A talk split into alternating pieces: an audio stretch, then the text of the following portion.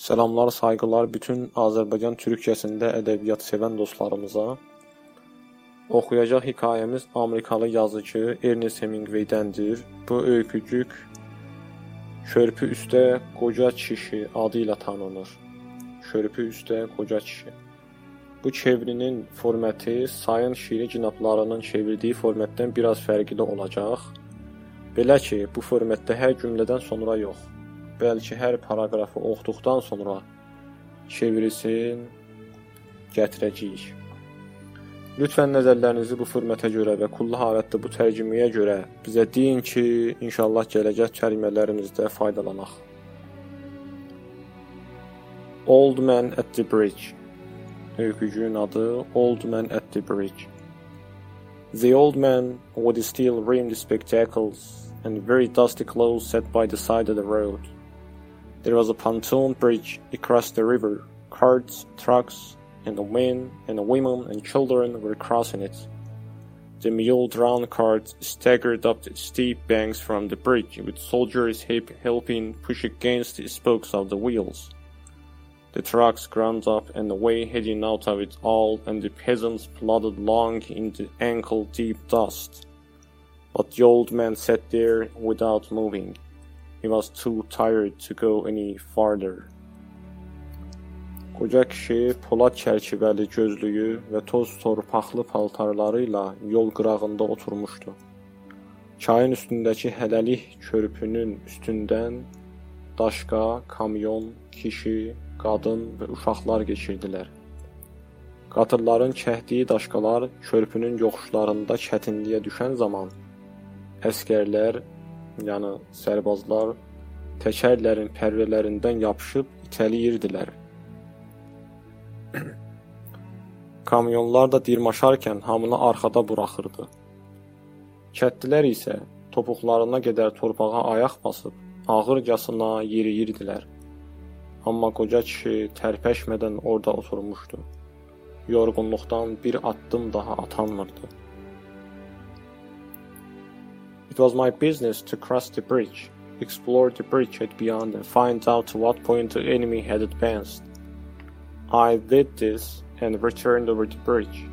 There were not so many carts now, and very few people on foot. But the old man was still there. But the old man was still there. Mənim məmuriyyətim körpüdən keçmək, ötəsini kəşf etmək, yəni körpünün o tərəfini kəşf etmək və düşmanın nə qədər qabağa gəlməsini bilmək idi. Bunları gördükdən sonra körpüyə döndüm. İndi daha daşqaların və yerdə gedənlərin sayısı azalmışdı. Amma hələ qoca kişi oradaydı. Where do you come from? I asked him. From San Carlos, he said, and he smiled. That was his native town, and so it gave him pleasure to mention it, and he smiled.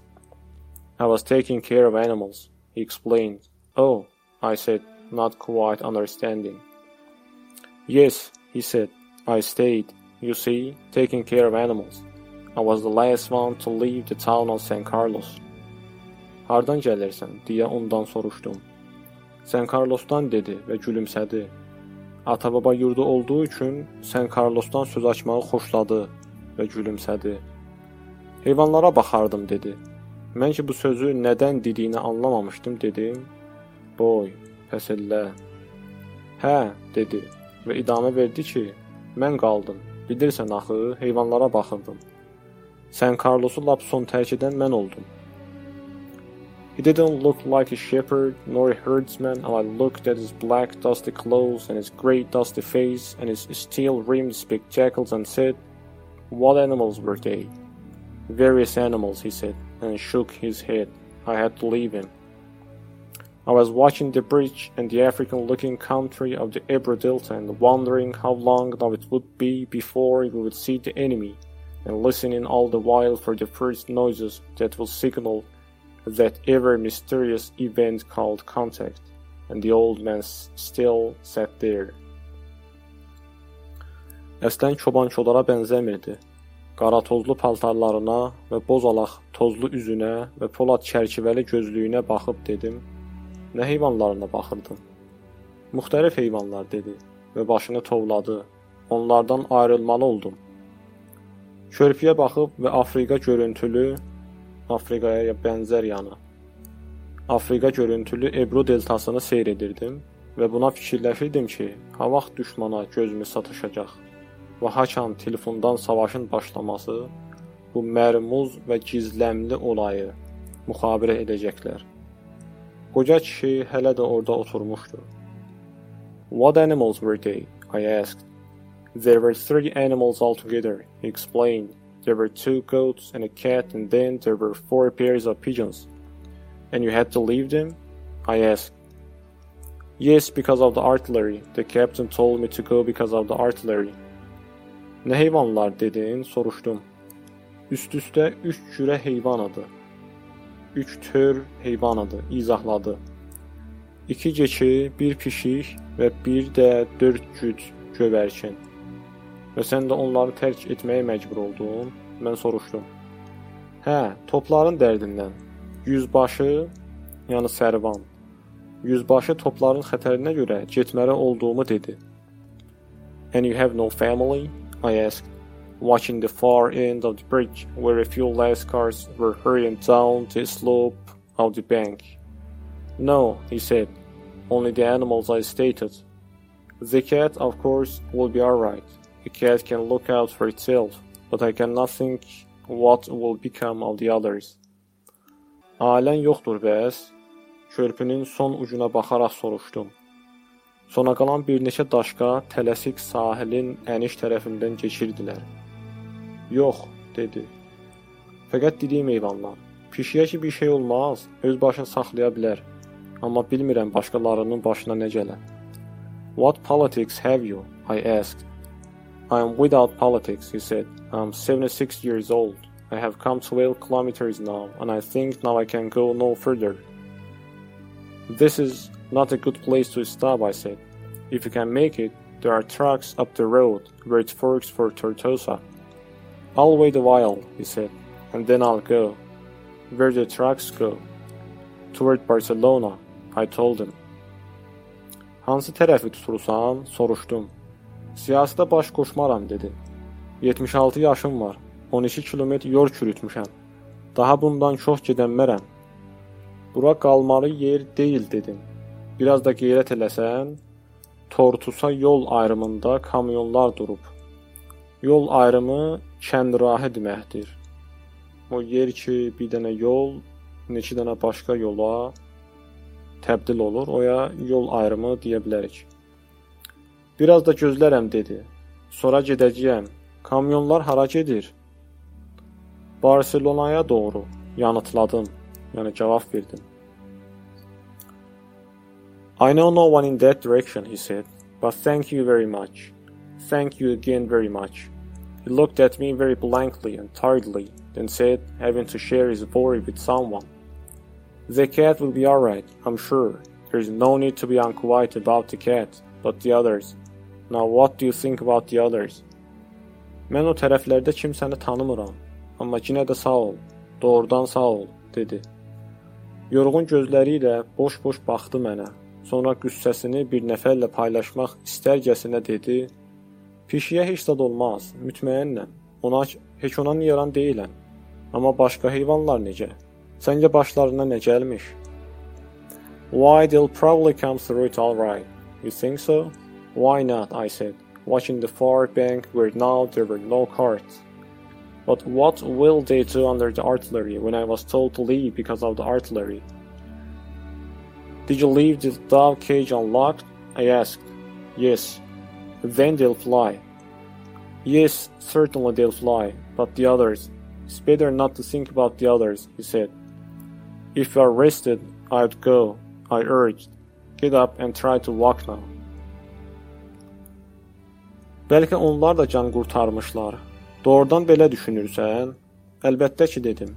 Qarşı sahilə baxaraq ki, daha heç bir daşqa keçmirdi. Amma topdan ötür mənə şəhərdən çıx deyən yerdə onlar necə dayanacaqlar? Gövərkin qəfəsini açıq qoyub gəldin, soruşdum. Hə, dedi. O zaman uçub gedərlər. Hə, onlar ki, uçub gediblər, amma başqaları necə? Heç yaxşı da onlara fikirləşməyəm. Dincəlmişsənsə, yəni yorğunluğun çıxıbsa, mən gedim. Tələsərək soruşdum. Daha qalx və yeriməyə çalış. Thank you, he said, and got to his feet, swayed from side to side, and then sat down backwards in the dust. I was taking care of animals, he said dully, but no longer to me. I was only taking care of animals. There was nothing to do about him. It was Easter Sunday, and the fascists were advancing toward the Ebro. It was a grey overcast day with a low ceiling, so their planes were not up. That and the fact that cats know how to look after themselves was all the good luck that old man would ever have. Təşəkkür edirəm, deyərək ayağa qalxdı. Sonra biraz bullandı və dalı üstə yerə döşəndi. Cansız bir səslə dedi: "Mən fəqət heyvanlara baxırdım, amma daha mənimlə danışmırdı. Mən fəqət heyvanlara baxırdım." təkrarladı. Ona bir iş görmək olmazdı. O gün Pasxa günü idi. Pasxa nə demək? Pasxa farsçada Eid Pak deyilir və ingilis dilində Easter's Sunday deyilir. Və məsihlərin inancına görə bu yekşənbədə bu Easter Sunday həmişə yekşənbə günləri olar. Bu yekşənbədə Həzrət Məsih qəbirdən qalxıb və Allahın yanına gedir və bu olayı, bu ittifaqı, bu günü Məsih dünyasında bir böyük şənliklə qutlayırlar. Ona bir iş görmək olmazdı. O gün Pasxa günü idi və faşistlər Ebroya doğru irəli getdilər. Yəni İbraya doğru gəlirlər, çapırdılar. Hava tutqun və buludlar alçaq olduğuna görə uşaqlar uça bilmirdi. Bundan əlavə, pişiklər də öz başlarını saxlaya bilər. Qoca kişinin bu iki dil xoşluqdan başqa heç bir şey yox idi. Əziz dinləyicilərimiz, bizim bu öykücüyümüz burada başa çatır. Bu faylı bitirmədən mən bu bir qısa şəkildə bu dastanın, öykücüyün tarixi zəminəsini də deyim. İspaniya iç savaşı, cəng daxilisi 1936-da başladı. Bu savaşın bir tərəfi cümhuriyyət tərəfdarları olan kommunistlər və başqa tərəfi isə faşist millətçilər idi. Bu arada çoxlu qeyri-İspaniyalı könüllülər, yəni İspaniyalı olmayan davtələblər dünyanın hər yerindən, məxsusən Qərb dünyasından, Amerikadan və məxsusən ə, Amerika tərəflərindən ə, hər yerindən cümhuriyyət şüarlarına yardım olaraq deyə kommunistlər yönəltdiyi dəstəyə qofuldular. Yəni çoxlu qeyri-İspaniya davtələblər bu kommunistlərə, cümhuriyyət istəyənlərə qoşuldular. Ancaq millətçilər sonuçda, yəni faşistlər bu savaşı qazandı. 1939-da bu savaşı qazandı və Francisco Franco 1975-də ölümünə qədər İspaniyanı bir nizami diktator kimi yönəltdi. Ernest Hemingway 1937-də bir Amerika gün Amerika gündəliyinin müxbiri olaraq İspaniyada işə başladı. Bir Amerika ruznaməsinin jurnalisti olaraq, xəbərnigar olaraq İspaniyada işə başladı. Sonralar Cümhuriyyətçilər cibhəsinə qoşuldu. Yəni xəbərnigarlığını edərkən və bu cümhuriyyətlərin tərəfdarı oldu və olaya qoşulub savaşırdı faşistlərlə. Hemingway Ebro savaşında ki, cümhuriyyətçilərin son böyük savaşı sayılırdı, hazır idi. Və bu Ebro savaşından sonra cümhuriyyətçilər utuldu və qüdrət bütünlükcə faşistlərin əlinə düşdü. Bu öykücük, oxuduğumuz bu öykücük Ebro savaşından neçə gün öncəki hekayəni tərif edir. Orada olan zaman bu qoca kişi ilə rastlaşıb və bu hekayəni yazmışdır. Bu öykücüyümüz, bu faylımız burada sona çatır. İnşallah gələn çevrimiz yaxın gələcəkdə təqdim edəcəyik. Bu arada sizin nəzərləriniz bizə çox mühümdir. Həttəmən göndərin və biz də gələcək tərcümələrimizdə faydalanacağıq. Allahın amanında hamınız sağ qalın.